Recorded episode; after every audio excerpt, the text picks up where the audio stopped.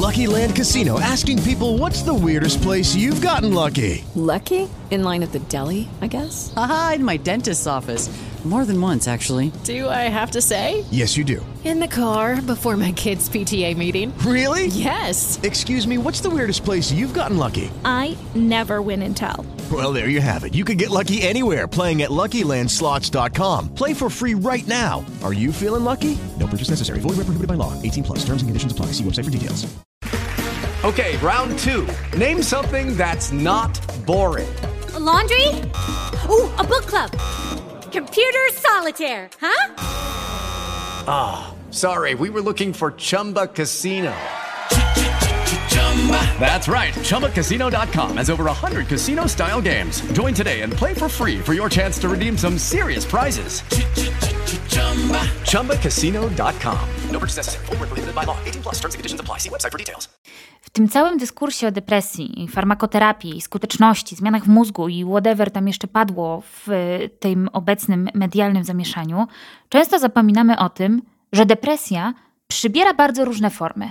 Bo to nie jest tak, że jednostka chorobowa nie współgra i z naszą osobowością, i z naszym temperamentem, i z naszymi doświadczeniami, i kulturą, w jakiej żyjemy i w której się wychowujemy. Więc chciałabym dziś opowiedzieć o perfekcyjnie ukrytej depresji. Takiej depresji, która przykryta jest maską wzorowej mamy, pracownika, pracowniczki, której na pozór w ogóle nie widać ale którą bardzo mocno gdzieś tam wewnątrz czuć. I o takiej depresji, która nie zawsze będzie wymagała farmakoterapii, bo nie będzie dawała objawów, które będą wymagały jej wdrożenia, ale to nie oznacza, że cierpienie z jej tytułu jest jakkolwiek mniej dotkliwe. Ja nazywam się Joanna Gutral, jestem psycholożką i psychoterapeutką, a to jest mój podcast Gutral Gada, w którym gadam dziś z Margaret Rutherford, e, autorką książki Perfekcyjnie ukryta depresja. Zapraszam Was do wysłuchania tego odcinka.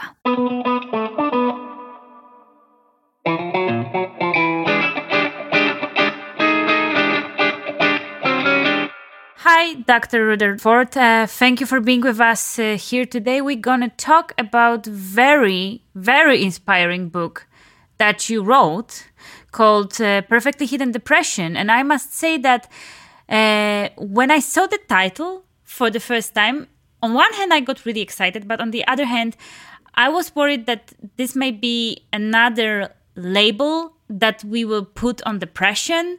So to start our conversation, please explain to us what exactly perfectly hidden depression is. You know, Joanna, you're not the first person. In fact, one of the people that ended Dr. Michael Yapko, who's an international expert on depression, I've been to several, several of his seminars, and he said the exact same thing that you just said. He said, So you're going to give people another reason to go get medicine. And, you know, I said, No, Michael, that's not my intent at all. So the way I see it, it's not a diagnosis. It's what I call a syndrome, or what we all call syndromes, which are behaviors and beliefs that fall together.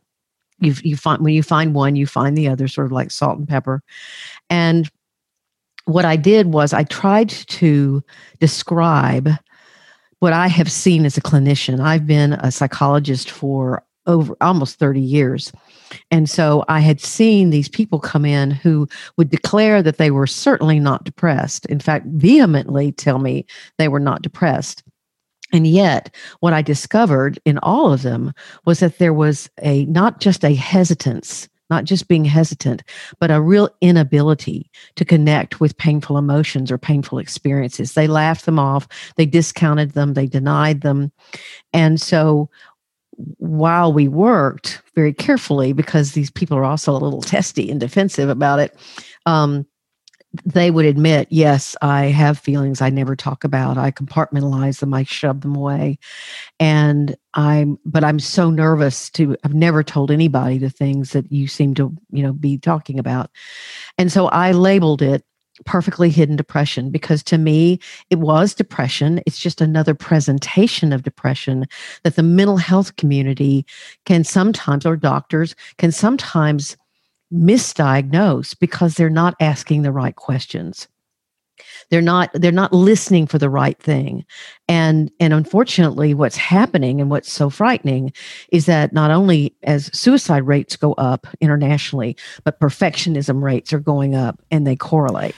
All right. So uh, you know people are not really willing to share or to acknowledge that they might be struggling with depression. We have mild uh, depression episode. We have uh, major, and people are like, "No, depression. It's it's really not about me. I'm you know I'm I'm fine." So, what is actually the difference between the perfectly hidden depression and the regular depression. Because when we think about depression it's more like you know someone lying in bed not being able to move not being able to have their daily life or maintain their daily chores. What is the difference Okay, well, that is the stereotypical view of depression, you know, where you're melancholic and you can't get out of bed and you ha- don't have any energy. And certainly that's part of the criteria, especially for major depression.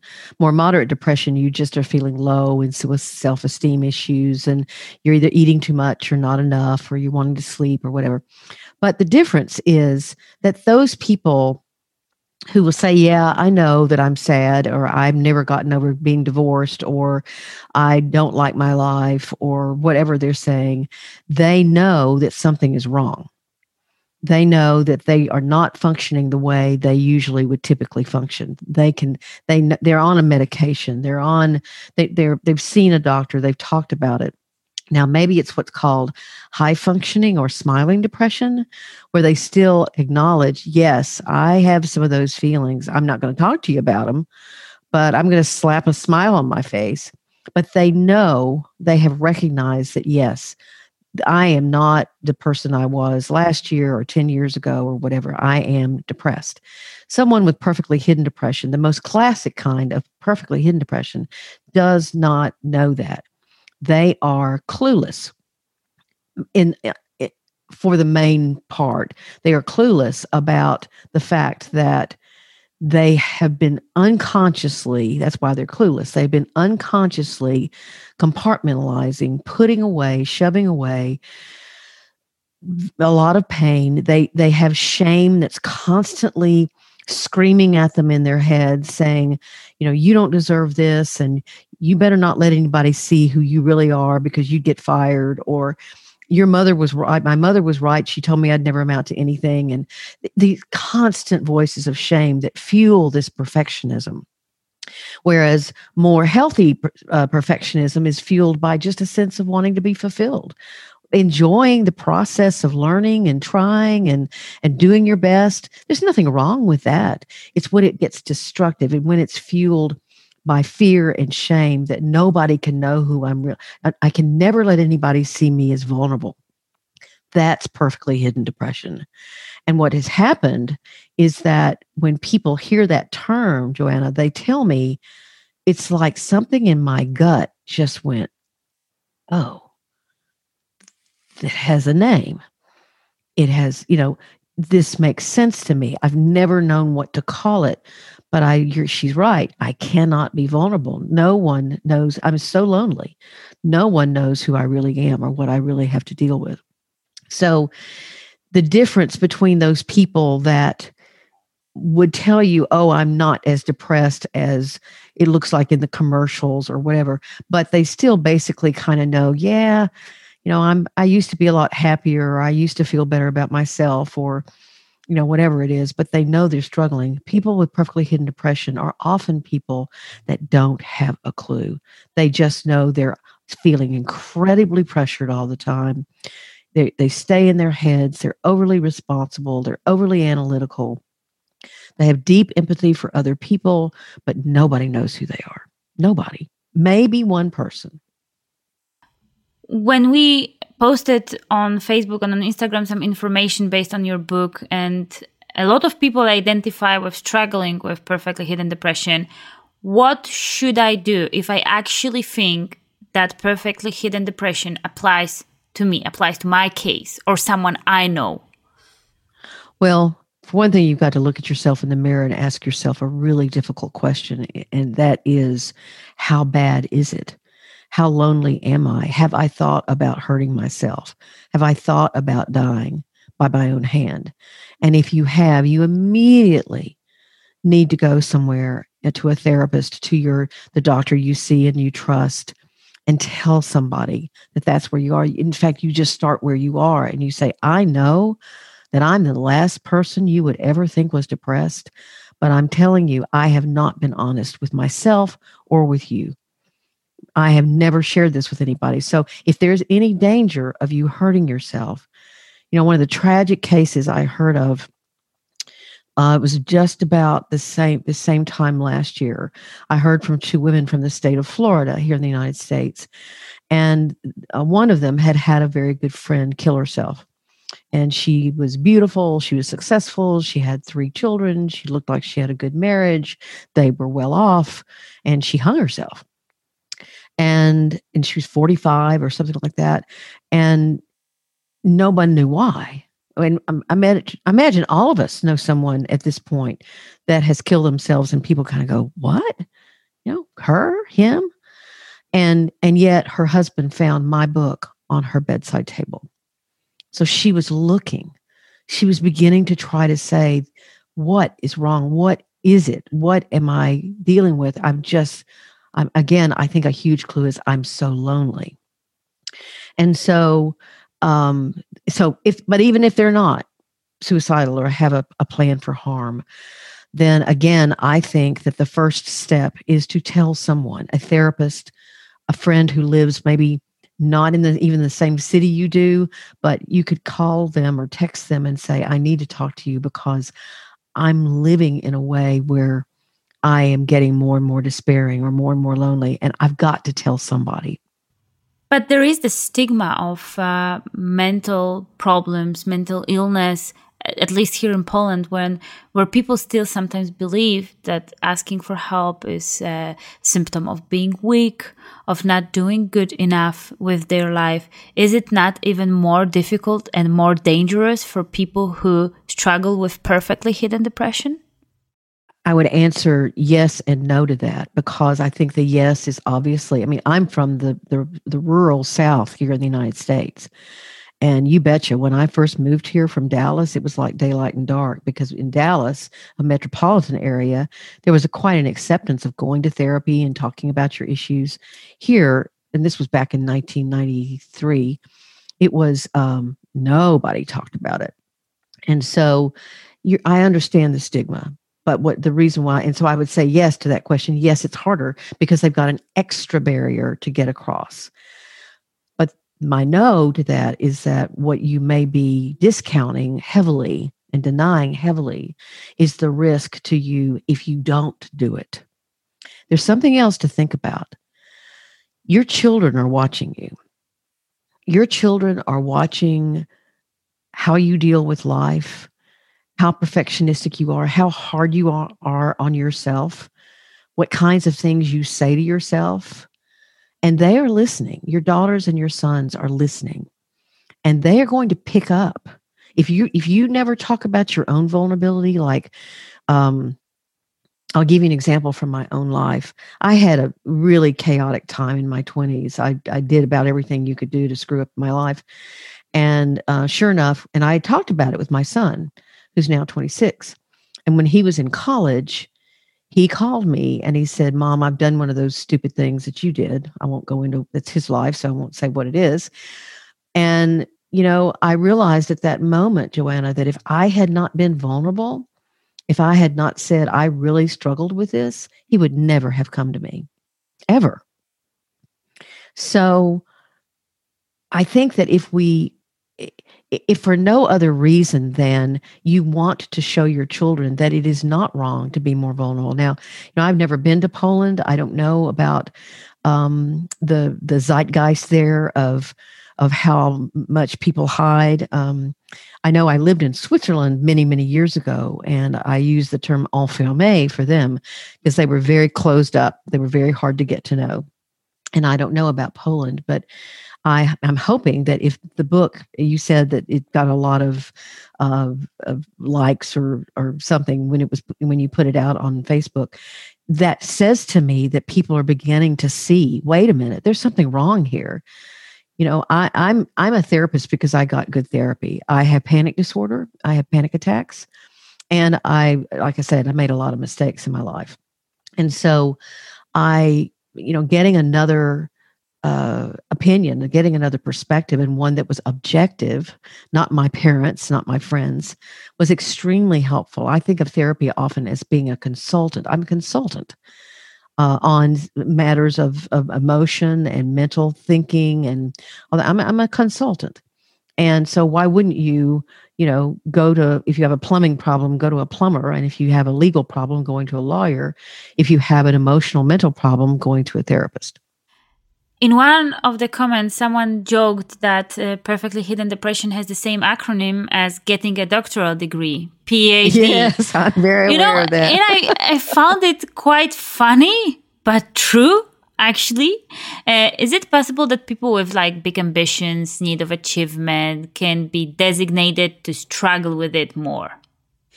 Well, sure. I mean, there's a whole section in the book on constructive versus destructive perfectionism. And that's basically what it is maladaptive or destructive perfectionism, where again, it is it is governing you. The perfectionism is governing you rather than you saying, I really like to strive uh, hard for things. I'm, I'm a hard worker. I want to do well. I want to be successful. But when it is when it is something that is keeping you up at night and you can't ever disappoint and because you're again you're trying to prove these voices wrong right?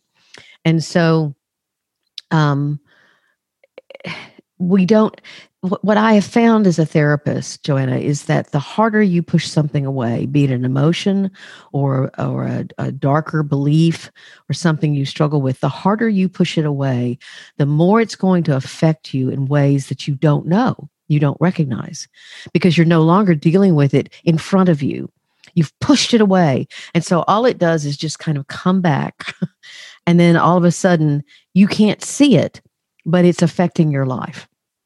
Whether it's anger, fear, uh, sadness, um, I don't care what the disappointment, um, grieving, shame. Shame is huge.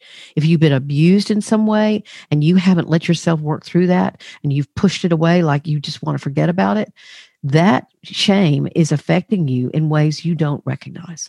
Maybe you eat too much. Maybe you eat too little. Maybe you isolate. Maybe you uh, get angry really, really easily. Maybe you um, are very distrustful. Um, you know there can be all kinds of things that are happening and you think why am i like this? And it's because you have pushed the shame and the guilt and the sadness and the fear and the humiliation away. When we think about perfectly hidden depression you know it's it's kind of hard to describe how those people function because for us as ob- as an observers they function just quite good quite well you know but what's going on in the head right. of person that struggles with right perfectly hidden I depression. can't tell you how many people I've seen because there have certainly been people that have come to see me because of this. They have read my writings, um, and you know, let me let me tell your listeners too.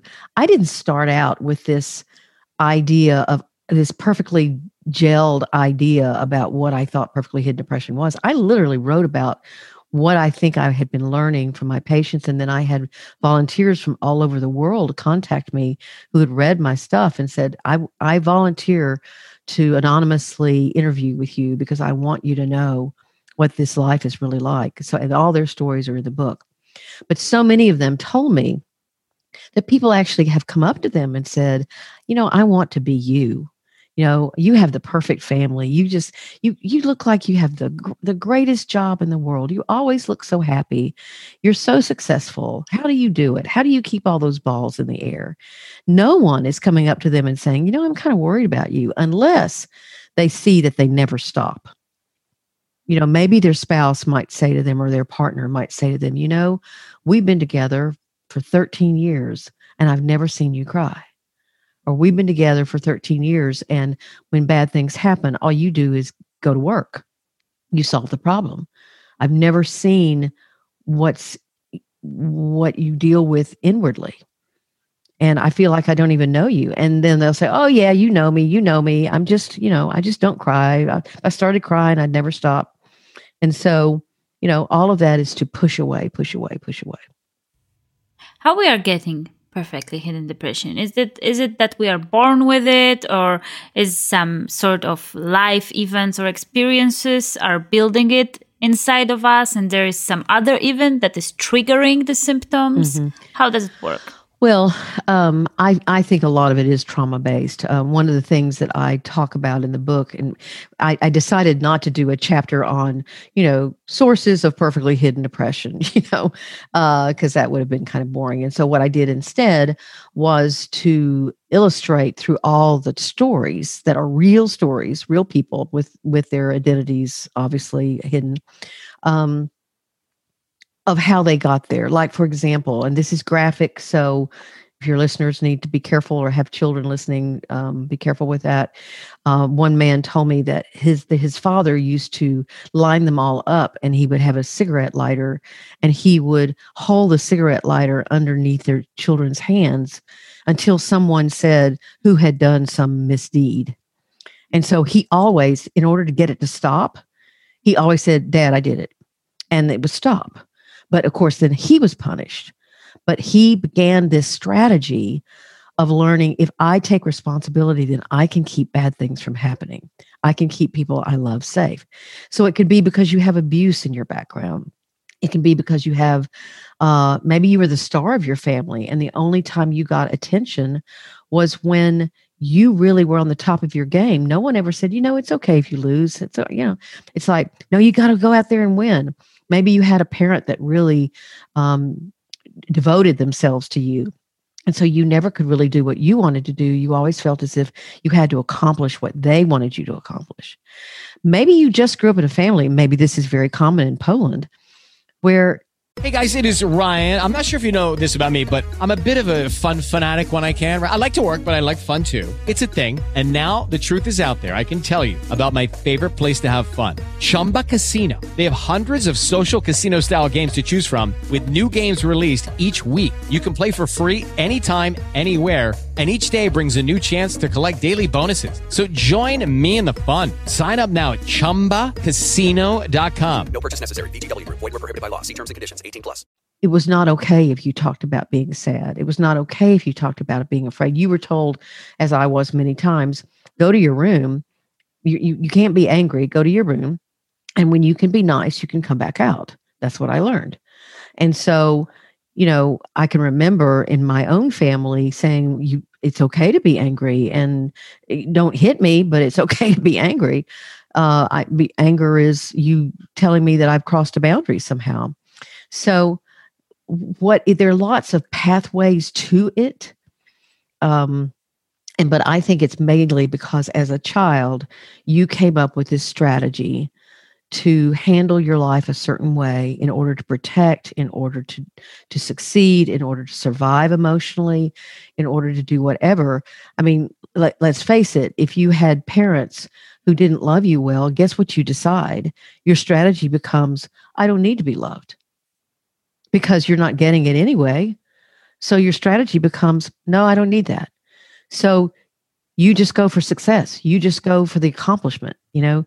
So it, it can be born in many ways, but what's important is to understand that maybe those maybe that strategy helped you survive back then but it is going to get in your way now as the woman who killed herself would tell you.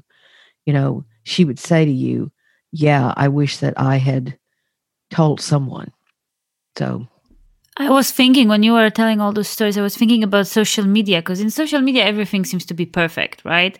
Perfect life, perfect marriages, vacation, careers, kids. And uh, we have pandemic going on right now and people are encouraged to keep physical distance, but even before we we you know we kept scrolling. And I, I believe that after pandemic we will keep scrolling and comparing ourselves to others. How does it affect our mood and especially mood of people who struggles with perfectly hidden depression?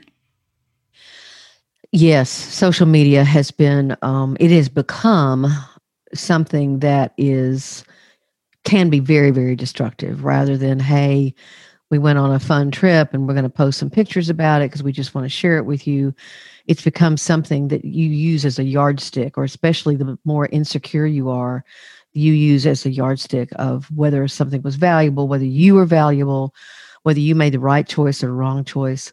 And so, in fact, it's interesting, and this is a bit of an aside, but there's a Netflix um, film called Social Dilemma, and it's it's about people who developed things for Facebook and Twitter who actually quit their jobs because they hated what they had like the guy who invented the like on Facebook he quit. He quit it all because he can't stand what has happened because of what he created. So social media um as I had a patient tell me one time, she said, You know, I see pictures of children and they're all, you know, dressed alike and they look so sweet.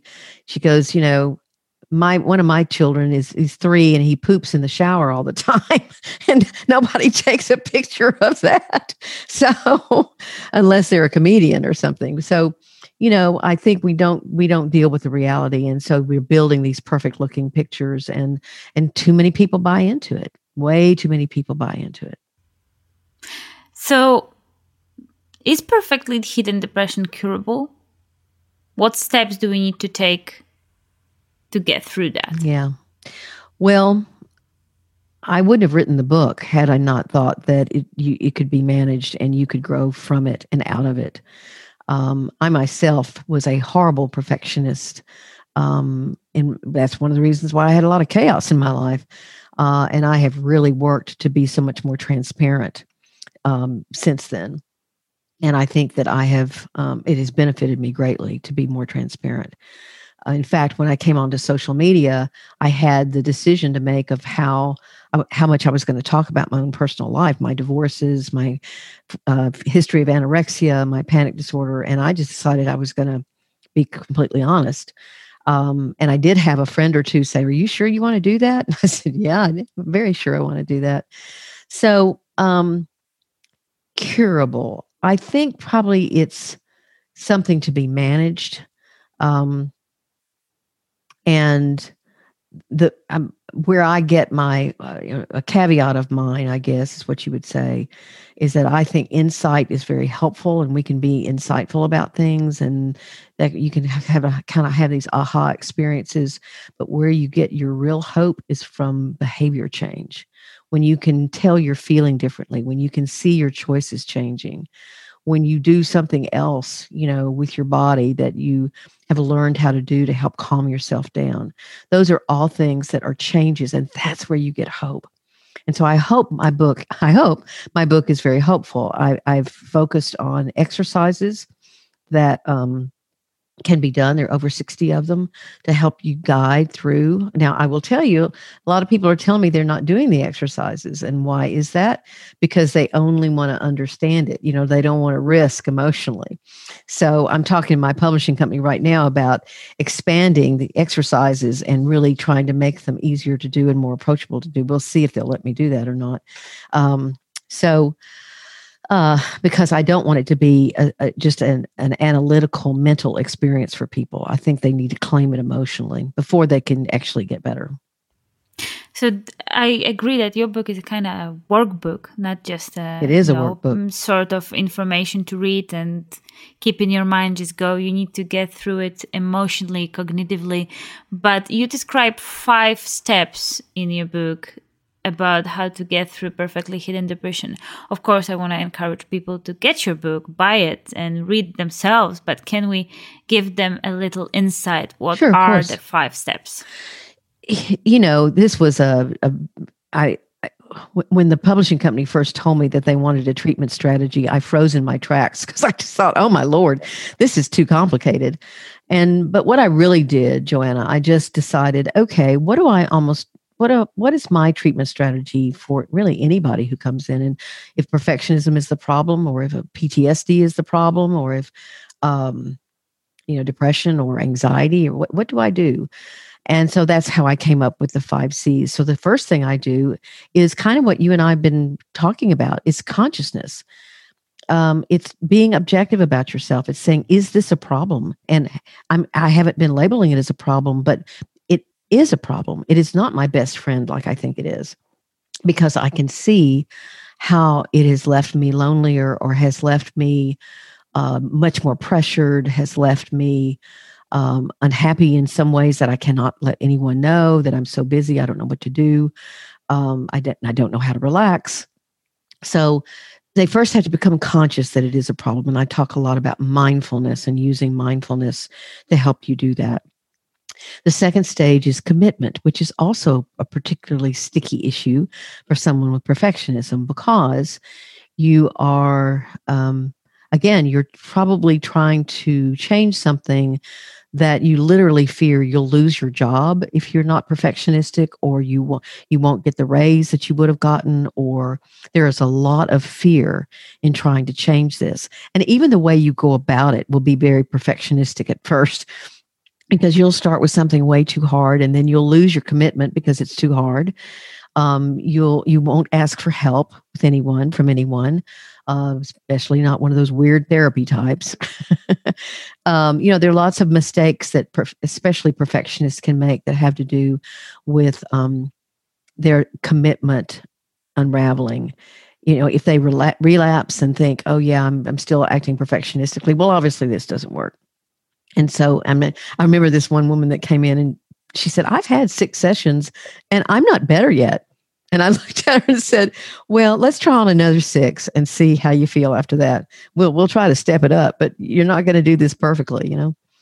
The third step is I, you know, I'm I do use a fair amount of cognitive behavioral uh, therapy in my work, not exclusively at all, but it's it's it's in there. And this is a chapter that's really uh, or a stage that's really very much based in cognitive behavioral work because you're going to look at your rules and your beliefs that um, are again part of that childhood. What did I learn was an absolute, a should, a must, a ought, a have to, must, uh, must always, must never. And you write those things down, and then you write the beliefs that go along with those things. Um, and some of those beliefs are pretty shocking once you realize that how he, how deeply that goes. Then the next step is to say, is this making my life better today? is this really helping me or is it hindering me? And that's a question I can't answer for anyone. They have to just answer that for themselves. But my guess is if you identify with perfectly hidden depression, a lot of your rules are far too strict, far too rigid. And, you know, you're living in a very tight little box and you can't ever step out of the box. And so, you know, learning that that's okay, that there's a freedom in so doing that can be really marvelous. The fourth step is more about your emotions. And actually, I didn't put this in the book as much as if I'm if I'm going to write, you know, perfectly hidden depression two.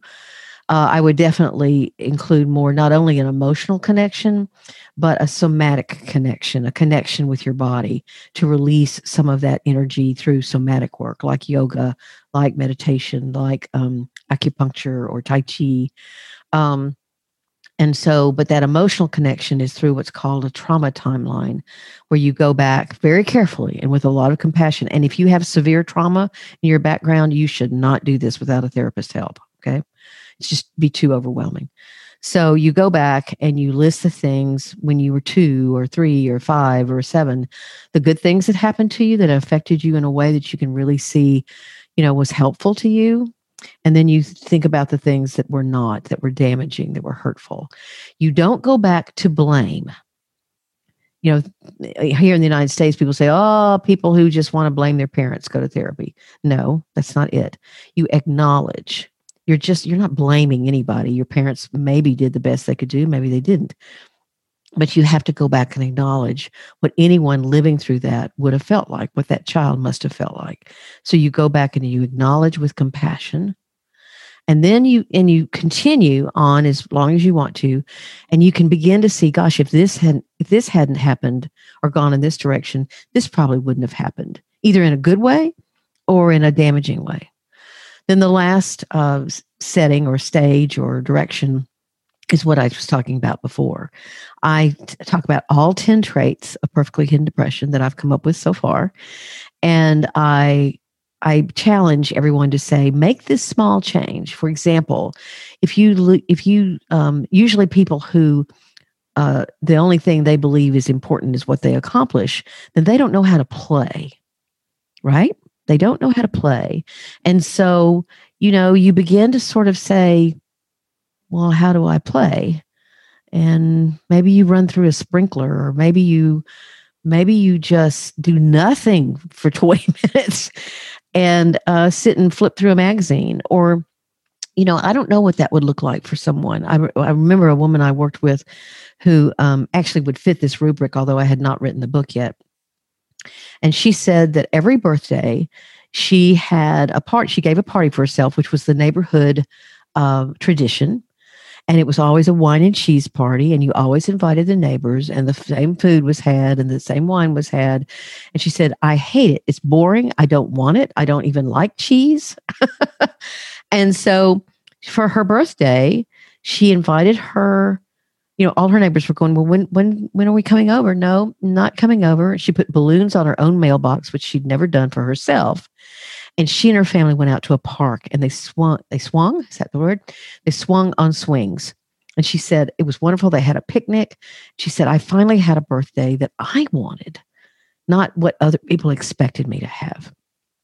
So it's that kind of thing those kind of changes in your life that may seem small but are actually huge so that you, you actually took my last question and my last question was what you can benefit from uh, you know dealing with perfectly hidden depression? I say in the book, and I believe it so strongly, th- that the antidote or what cures or heals perfectly hidden depression is self acceptance. And what I mean by that, I have my own little specific term for or uh, definition of that would be when you believe that your strengths, neither your strengths nor your vulnerabilities define you. Your strengths don't define you. Your vulnerabilities don't define you. You use the, you know, we were laughing about the three letters of PhD, that those are after my name, right? I have a PhD. I also have three marriages, one of which has lasted now 31 years, right? I'm not so proud of those. I'm, I'm proud of the last one. I'm not so proud of the other two. Um, they were mistakes. I felt shame about them. Uh, I struggled with them, but they are a fact. They're a vulnerability of mine. Okay. I don't think the three letters after my name define me any more than that, than those three marriages were the two first ones. I mean, and nor does the vulnerabilities define me more than the PhD does. So, you know, it's just kind of those are facts about me. And I had to learn and I can accept that and not shame myself for it. It's not that I never shamed myself, I did. But you can learn to let go of that shame because shame is not a helpful emotion It's only helpful if it leads you to a change of behavior. If you carry around shame, you are going to just do other things that you're ashamed of. I learned that the hard way.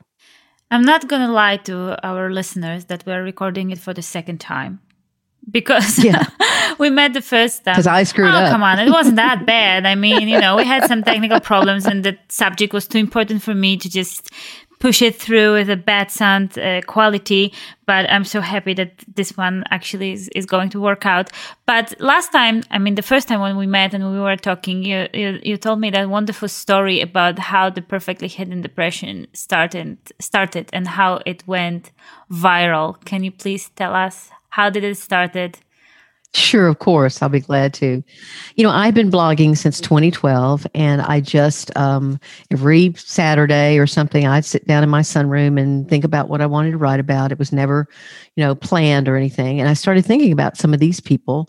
Uh, this was in 2014. I started thinking about some of these people that I've been talking to you about, these people who uh, would never have admitted to me or even admitted to themselves when they, uh, when they walked in my door that they were depressed. But so I wrote this little um, blog post and I called it, I just grabbed a term out of the air the perfectly hidden depressed person. Are you one? And at the time, maybe if I got 40 likes or five shares, you know, that was a good post. Well, this went viral. It had thousands of likes and I don't know how many shares. I don't remember anymore. And then at the time, I was writing for the Huff Post, Huffington Post, and I had forgotten that I had left my email on the bottom of that post. And it was like two days later, it was published there. Literally hundreds of emails came to my email. I had no idea what was happening. All of them saying, This is me. How do you know about this? I've never heard anybody talking about this. you know, it's like you're in my head. I had a local woman tell me, literally, I'm not making this up. Why would I? She said, I was planning on hurting myself this week, and I read your post, and now I'm going to go home and talk to my family. So I saw all that. I obviously got in touch with her immediately, by the way, since I had her email.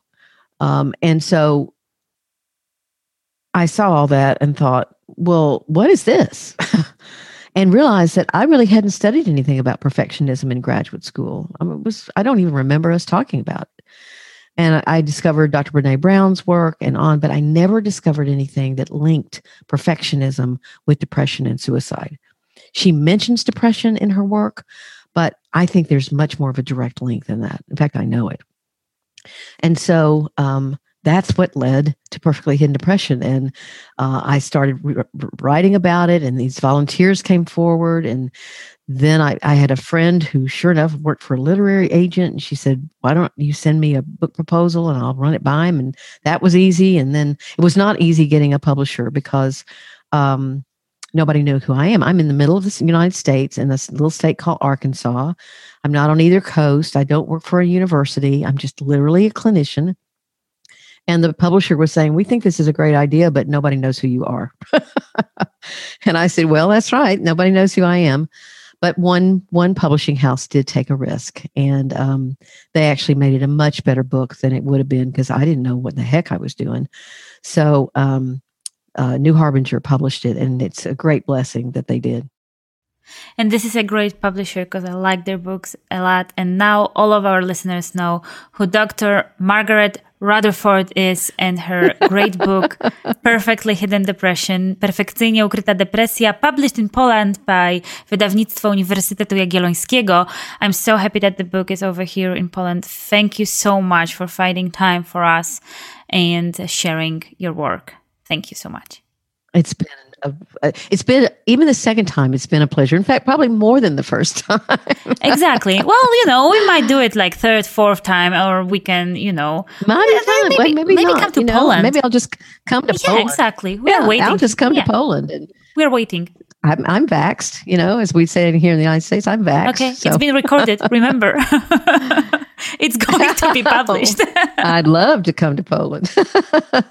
okay, so we are waiting for you here. Thank you one more time, Margaret. Thank you, Joanna. Take care. If you only have a 401k, you're not getting the most for retirement. Wait, what? Add a Robinhood IRA on top, then they'll boost it by 3%. You can do that? And if you transfer in any retirement account, you get 3% on top of that. Is there a limit to the match? No limit. Robinhood Gold gets you the biggest contribution match of any IRA on the market. Sign up for Robinhood Gold at Robinhood.com slash boost by April 30th. Subscription fees apply. Investing involves risk. 3% match requires gold for one year from first match. Must keep IRA for five years. Match on transfers subject to additional terms and conditions. Robinhood Financial LLC member SIPC.